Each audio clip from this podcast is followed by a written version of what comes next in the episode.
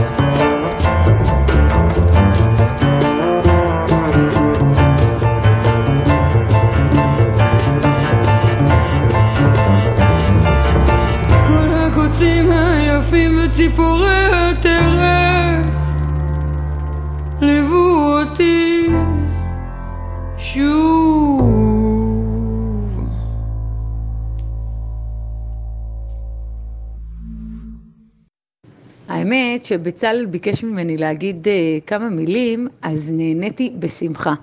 כי בתור אימא לתאומים בנים, יש לי חיבור מיידי למשפט והתרוצצו הבנים בקרבה. זה אוטומטית מרגש אותי, וגם כשסיפרתי לאילי ואיתן, שהיום הם כבר כמעט בני חמש, שהפרשה מדברת על התאומים של רבקה, אז הם ממש ממש התרגשו. כי הדבר הכי מקסים זה לגדל תאומים, ובמיוחד תאומים בנים, שהם חברים בלב ובנפש והם בלתי נפרדים. וזו אותה תחושה, שאכן, והתרוצצו הבנים בקרבה. ובאמת, אחרי שבצלאל ביקש ממני, אז חשבתי על הלידה המיוחדת הזאת של התאומים בפרשה, על העקרות של רבקה, שבסוף זוכה לתאומים, אה, על הכמיהה שלה לילד, אה, לבסוף היא זוכה בהיריון והיא רוצה למות, סימן שאלה.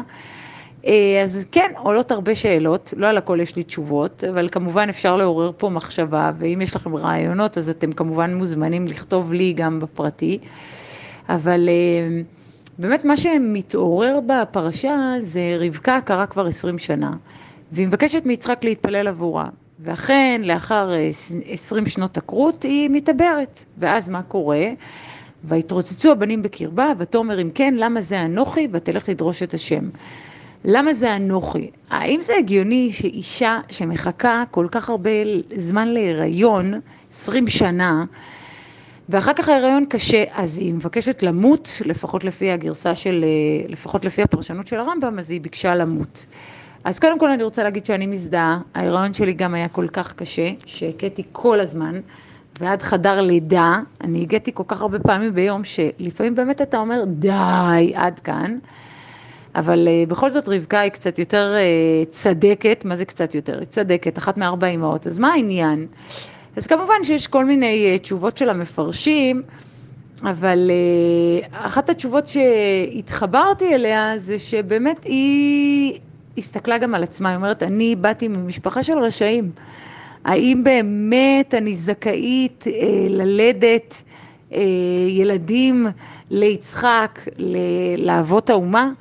ובאמת, אז אה, אה, היא הולכת לדרוש את הקדוש ברוך הוא, והוא באמת אומר לה ששני גויים, שני לאומים בבטנך, זאת אומרת, זאת התשובה שהקדוש ברוך הוא אומר לה, כן, בהחלט, מגיע לך, את אה, זכאית.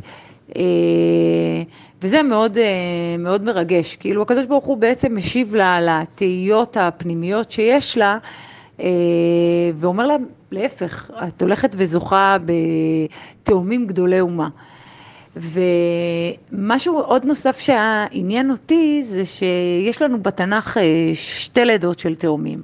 האחד זה של רבקה והשנייה זה של תמר. וניסיתי למצוא בכלל אם יש קשר, מה הקשר, בכל זאת שתי לידות יחידות בתנ"ך, אז, אז עדיין, כאילו, קודם כל אז יש הבדלים קיצוניים בין שני ההריונות, בואו נזכיר, רבקה זה בעצם הריון שבא אחרי נישואין עם יצחק, וכתוב בתורה וימלאו ימיה ללדת והנה תומים בבטנה, בכתיב חסר. כמובן אצל לידת, אצל תמר, אז ההיריון הוא בנסיבות בוא נגיד פחות, פחות מה שנקרא, איך נגיד את זה בלשון פחות תקניות, פחות עומדות בתקן, בכל זאת תוך מניפולציה, אם אתם זוכרים, אחרי שהיא לא נישאה לבן האחרון של יהודה, היא בעצם מתחמנת ושוכבת על אם הדרך והופכת כאילו את עצמה לקדשה ונכנסת להיריון מיהודה. ובאמת בלידת תמר אז נכתב ויהי בעת לידתה והנה תאומים בבטנה בכתיב מלא. ובאמת החז"ל מבחינים בניסוחים השונים ואומרים שההיריון של רבקה היה הריון מלא של תשעה חודשים ותמר ילדה אחרי הריון לא מלא, בין שבעה חודשים בלבד. ואנחנו רואים גם שהתאומים מאוית אחרת, אצל רבקה זה תומים עם כתיב חסר ואצל תמר זה תאומי בכתיב מלא, כי מה, כמובן גם רש"י אומר וחז"ל אומרים, שאצל תמר שניהם היו צדיקים ולכן התאומים בכתיב מלא, ואצל רבקה התאומים בכתיב חסר, כי אחד היה צדיק והשני רשע. ואז בעצם מה שאנחנו רואים פה, שההיריון המלא של רבקה הוליד זוג תאומים חסר, ואילו ההיריון החסר של תמר הוליד זוג תאומים מלא ומושלם. אז בספר התניא בעצם מוסבר שבכל אדם יש שני כוחות, את הטוב והרע. ואצל רבקה עשף בוחר בסוף להיכנע ליצר הרע, ולכן זה הופך את התאומים לחסר. כלומר, דווקא מהיריון של שלמות מגיעים בסוף לאי שלמות. ואצל תמר זה ההפך, מהיריון חסר, מהיריון שהנסיבות שלו הן מניפולטיביות או לא תקניות, מגיעים דווקא לשני צדיקים. למה? כי שמה מכניעים את יצר הרע למשהו אה, טוב. אז גם אצלי ההיריון שלי היה חסר, אני ילדתי בחודש שביעי, ואני מאחלת לתאומים שלי, לילי ואיתן, שעל אף שההיריון שלי היה חסר, שהם יהיו תאומים בכתיב מלא. תודה רבה לשלבת ששיתפה אותנו. נשמע עכשיו את השיר Two Worlds, One Family מהסרט טראזן לחובבי הז'אנר, ומיד לאחר מכן נשמע מאת הנה וואטסון.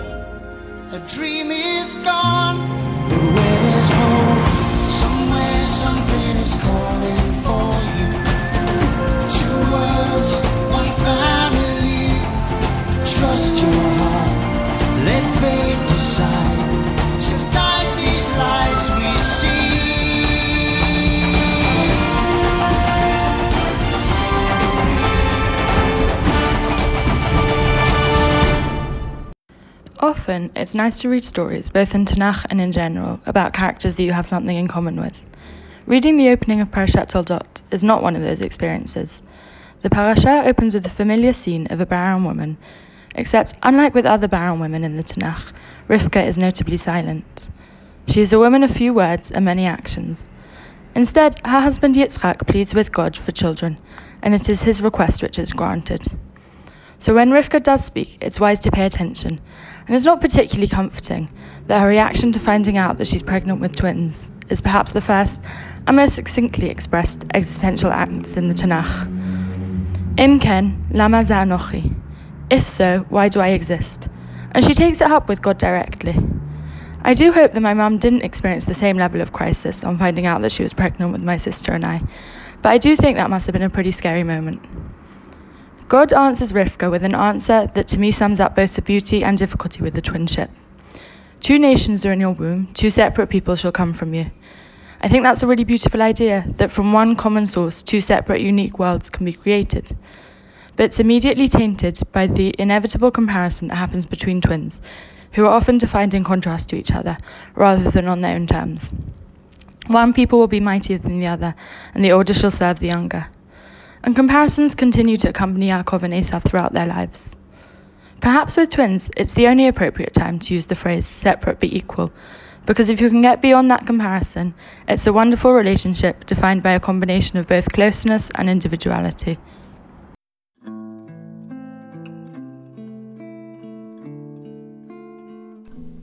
ומכאן נעבור לשמוע את תהילה ונגר על היחסים בין יעקב לעשו, בין יצחק לאבימלך, ולפני שנשמע אותה נשמע את השיר אל בורות המים, בביצוע רונה קינן. בדרכי מדבר בארץ לא זרועה. מאהבתי שכחתי עיר ובית, ובעקבותיך בנהייה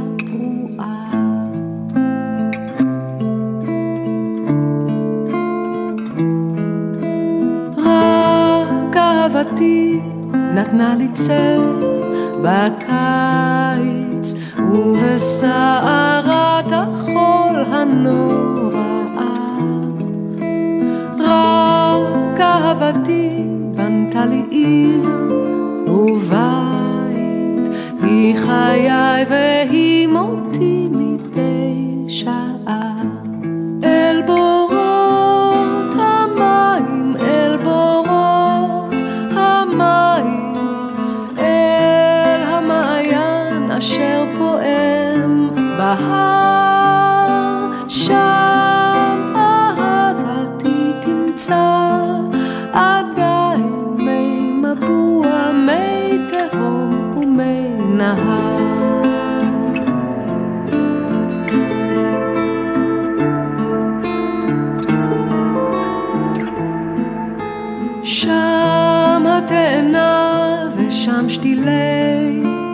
הזית ופריחת הרימונים המופלאה. שם אהבתי השיכורה ולא מיין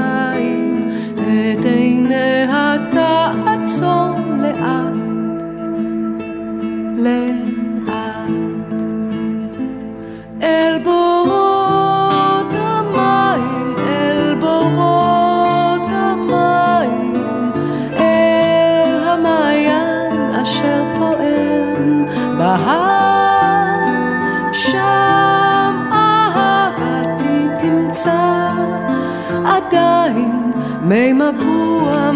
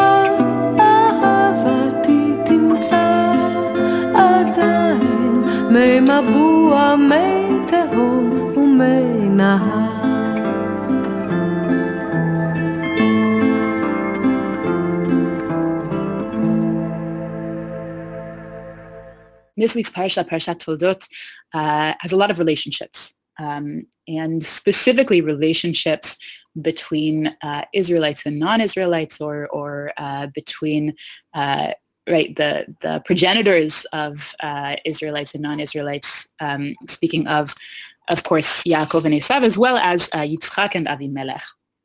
Um, and what's interesting in these relationships is how the expectations with which these people go in define the relationship, right? What does it mean to have a prophecy about uh, fetuses while they're still in their mother's stomach? Um, it, right, what, what does that mean for how those nations or those children will uh, come out, will end up? If that is uh, what somebody is told or what somebody believes is going to happen before they even come out, um, then of course you're going to read into the fact that right one baby came out clutching the heel of the other, um, and and draw out midrashim about that um, that uh, emphasize the struggle, the inherent competition of the relationship. And the question is, is it really inherent? Right? If that prophecy had not taken place, um, then would that just have been like a, a cute photogenic moment in the hospital room?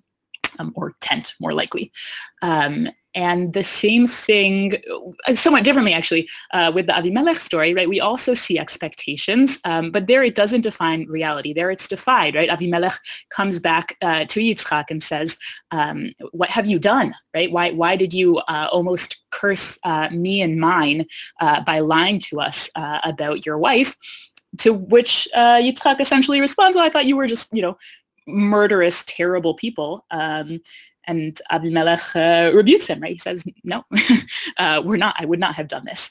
Um, and uh, I think, I think that expectations um, do have that, that power to define right as in the first story um, the the expectation that they will become enemies really does uh, then determine what doesn't have to be determined if you read carefully the story of um, of the stealing of the bracha it's fairly clear that the bracha isn't exactly what, um, certainly what Rivka uh, expected or thought it would be.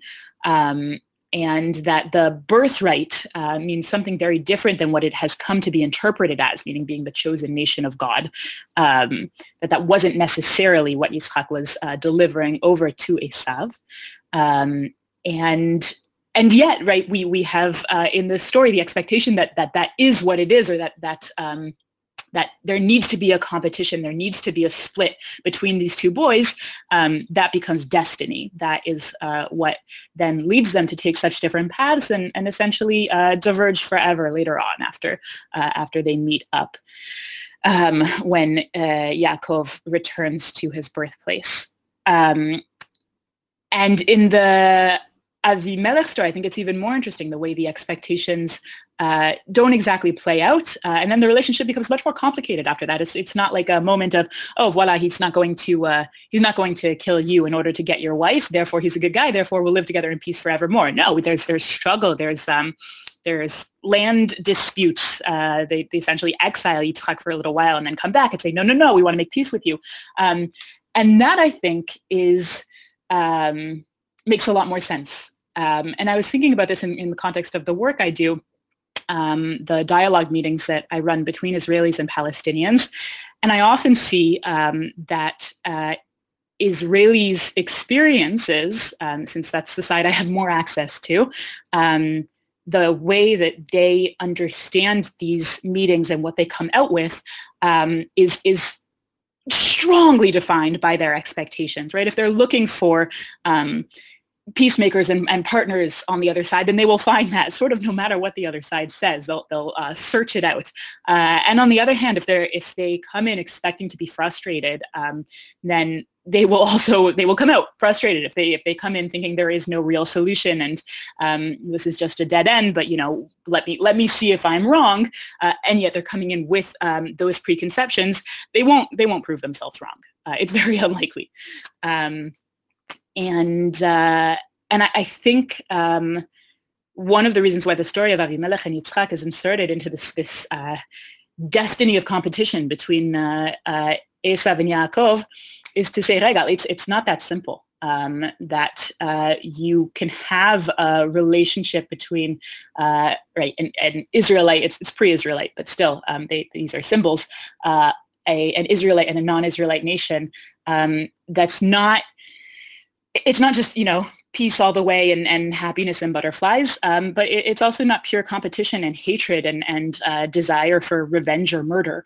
Um, it's complicated. It's um, it's about uh, you know fighting and uh, and land rights and resources, um, and it's also about respecting the basic uh, human dignity and and uh, expecting ethical behavior from the other side, which Yitzchak fails to do. Um, and it's also about making up at the end. It's about peace um, after the the uh, fight for uh, land war, and then presumably more struggle because that's how it goes. Um, and I think uh, I think if, if that is our expectation, um, then possibly we'll actually learn something new when we go into these meetings and uh, and these attempts to find solutions uh, or to deal with the other, um, which is ideal, I think.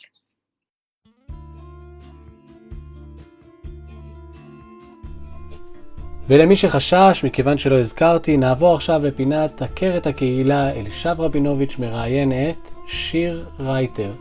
ולכבוד יעקב אבינו שנולד בפרשה, נשמע את השיר אהבה יומיומית מאת יהודית רביץ, הידוע גם בשם שקרים קטנים. שקרים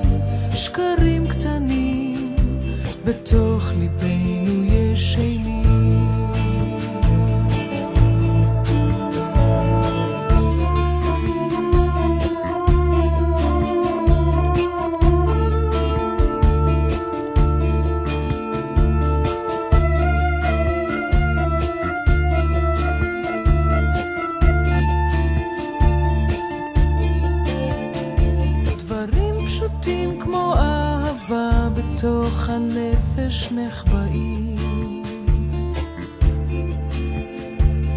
על פני כלניות שנים שלל פרחי העמק. פורחים הם הס על פני הירק, פורחים הם עצומי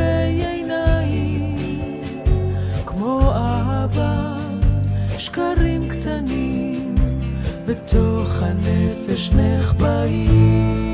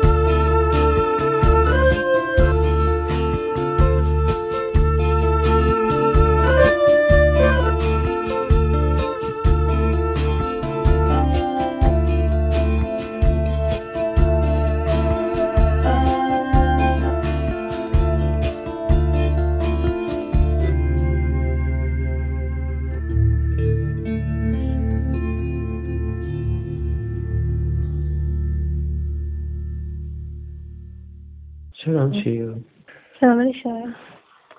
אז אה, היום איתנו בפינת הכרת הקהילה, שיר רייטר. שיר אה, הגיע לקהילה בדיוק לפני שנה, אה, וגם יש לה יום הולדת, אז אה, פעמיים חגיגה. אה, שיר היא אדם מאוד מעניין, שבין השאר היא עוסקת בעיתונות כלכלית, ובעיתונות בכלל, ואולי נשמע גם על זה קצת היום, אבל לפני הכל שיר, תספרי לנו טיפה על עצמך. אמ, היי לכולם. אה, על עצמי, קוראים לי שיר, אני בת 29 ויום. מזל טוב. אה, תודה. אה, גדלתי בנוף איילון, ההורים שלי עברו לשם כשהייתי בת שלוש, ושם הייתי כל התיכון, שם למדתי גם. אחר כך עשיתי שירות לאומי, אחר כך הלכתי, ואז למדתי במדרשה במגדל עוז שנה, חשוב. עולה. אה, כן, ואחר כך הייתי במכללת ספיר, למדתי שם תקשורת במסלול עיתונות דיגיטלית, וגרתי בקיבוץ סעד, המקסים והמהמם. אה, כמה שנים הייתי שם. ואחרי שסיימתי את התואר, חזרתי קצת להורים והתחלתי לעבוד באתר כלכליסט, שזה איפה שאני עובדת היום. והתחלתי בתפקיד אחר, ומה שאני עושה היום אני עורכת במדור שוק ההון, שזה אומר שאני גם עורכת כתבות של, אה, של הכתבים שלנו, הם שולחים לנו את הכתבות ואני עורכת אותן כדי שהן יהיו יפות ומסודרות ומובנות, ומעלה אותן לאתר, וגם קצת, לא קצת, וגם כותבת בעצמי כל מיני דברים, קצת אה, קולבויניקית כזאת, של מה שצריך בשוק ההון. וגם אני עורכת את מדור הדעות באתר, שזה אומר שמי שרוצה לפרסם אצלנו תעודה שולח אליי ואני אומרת לו כן או לצערי לא. אמ, אני בכלכליסט כבר שלוש שנים וזה כיף לי מאוד. חוץ מזה, אני... רגע, רגע, אני אתמקד, אני אשאל את השאלה על זה, מעולה. נשמע גם על ההפתעות הנוספות. סתם זה מרתק. לומדים בעצם עיתונות כללית, ואז במקרה הגעת לכלכלית, תיאורטית היית יכולה להיות, להתגלגל גם ל- לעיתונות ספורט או עיתונות אה, חדשות, מדיני, מדיני כן. פוליטי? אז בעיקרון בשביל להיות אה, עיתונאי לא צריך תואר, זה לא כמו להיות אה, רופא או עורך דין, כל אחד יכול להיות עיתונאי. ובאמת אצלנו במערכת אנשים באים מרקעים ממש שונים. וכן, במקרה התגלגלתי לעיתונות כלכלית, זה לא שכאילו, לא כיוונתי לזה, במקרה הגעתי לזה. ולמדתי תוך כדי תנועה מהאנשים שעובדים איתי והרבה קראתי. אה, וכן, כאילו באמת אצלנו אנשים שהגיעו מ... כאילו, מעיתונות ספורט, נגיד, צמחו והגיעו לעיתונות כלכלית, זה ממש, אה, אין בזה חוקים. הבנתי. אז פשוט התמקצעת לאט לאט, היום את יכול, כאילו ממש מבינה בשוק ההון? אפשר לבוא להתייעץ? כן, אבל אני לא, אסור לי לייעץ. אסור לך לייעץ. אני יודעת להגיד מה, מה קרה, אני לא יודעת להגיד מה יקרה. כמו כולם.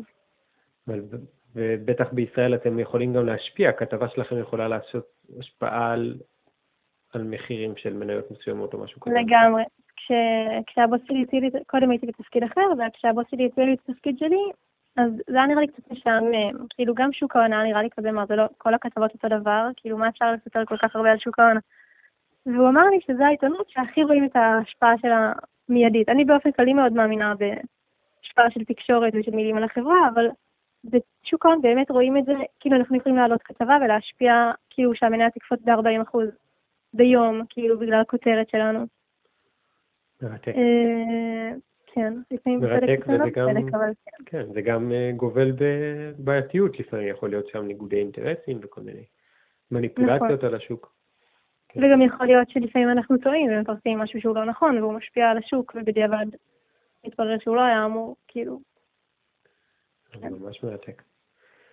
אז, אה, אז תכירו ששיר ממש מבינה בשוק ההון, אבל לא ברמה של לייעץ לכם אה, מה לקנות או למכור. פשוט תקראו את הכתבות שלה. זה צריך רישיון. כן. ואוקיי, והתחלת להגיד שגם יש עוד איזה תחום עיסוק מפתיע שאת מתעסקת בו. אה, מפתיע. אמ, האמת זה קצת אה, נפסק בגלל הקורונה, אבל לפני הקורונה למדתי פלמנקו. התחלתי, זה משהו בזכות תל אביב, רק בתל אביב אפשר אה, לכתוב בגוגל אה, פלמנקו למתחילים, ולמצוא שבדיוק באותו שבוע נפתח אה, ציור. אה, אז זה גם ממש מגניב, אני גם לומדת ציור, אה, שזה גם כיף. יופי. אז הפלמנקו ממש לומדים את זה עם הרקיעות רגליים וכל ה... כן, יש כאילו ממש צעדים, ו... אני עוד לא ברמה של, אה, של החצאית, יש את החצאית המיוחדת של הפלמנקו עם הזנב, כאילו יש לה שובל נורא ארוך כזה, ו... ומתברר ששולטים בו עם, ה... עם כאילו השוק של הרגל, כל, ה... כל הריקוד מזיזים את השובל של החצאית לאיזה כיוון הוא יהיה, וזה כאילו, זה כנראה ממש קשה, אני עוד לא ברמה הזאת, אבל אולי יום אחד. יאללה, אז. בעזרת השם, שנחזור, תביאי גם חוג כזה ליקר. יאללה. אגב, יקר, איך התגלגלת דווקא לקהילה שלנו? איך זכינו? אז אני האמת, אה, כשרציתי לעבור לתל אביב, למה רציתי לעבור לתל אביב? כי רציתי אה, תכלס למצוא חיי חברה. אה, כי לפני ידעתי קצת בנוף איילון, וזה לא באמת אה, מאפשר את זה. אז כזה שאלתי איפה יש, אז אמרו לי שיש את יקר, ושיש את בן יהודה 126, אמרו לי עוד כמה דברים. ותכלס לפי זה חיפשתי דירה, כאילו קצת חיפשתי דירה כזה שתהיה קרובה. לבתי כנסת וגם לאוטובוס שלי לעבודה. ואז מצאתי את הדירה פה, וגם תהילה השותפה שלי היא כבר ביקר, אז כאילו דרכה, נחמד. אז הגעתי בהתחלה לכל הדברים, עד שהיה קורונה. אני חייב להגיד גם למאזינים שיש פייסבוק של יקר, והלייק הראשון מכל פוסט זה של שיר, אז תודה על זה, זה מאוד, מאוד חשוב. גם מי שמפרסם בקבוצה זה חשוב לו הלייקים, כי פשוט כאישוש לזה שקראו, שזה לא במובן של אה, לייק. אבל אה, כן, אז תודה על זה. אה, זה כיף. אז שיר, יש לך איזשהו, לא יודע, מסר או איזשהו משהו שאת רוצה להגיד לקהילה לסיום השיחה הקצרה הזאתי? אמ, שתבואו להגיד לי, היי, שבת שלום, מה שלומך? כי אני לא מכירה אתכם עדיין. ומי שכן מכיר? אה, כן, יש לי פס בצבע טורקיז בשיער. פס בצבע טורקיז, אוקיי. אולי נעלה תמונה שלך לפודקאסט השבוע לזה. אוי, לא. אה, לא? טוב, תחליטי אחר כך, שיוכלו לזהות את הפנים לזה. טוב. אז אה, אז תודה רבה. ו- תודה לך. ואני מקווה שנתראה בקרוב, ושבת שלום. שבת שלום. להתראות. להתראות. זהו, זה היה הפודקאסט שלנו להשבוע. תודה רבה לאיתי ואילי כמובן, לשלבת, להנה וקסמן, לתהילה ולשיר. ונסיים בשיר אל בורות המים, שוב לכבוד חפירת הבורות בפרשה, הפעם בביצוע אמיר בניון. שבת שלום.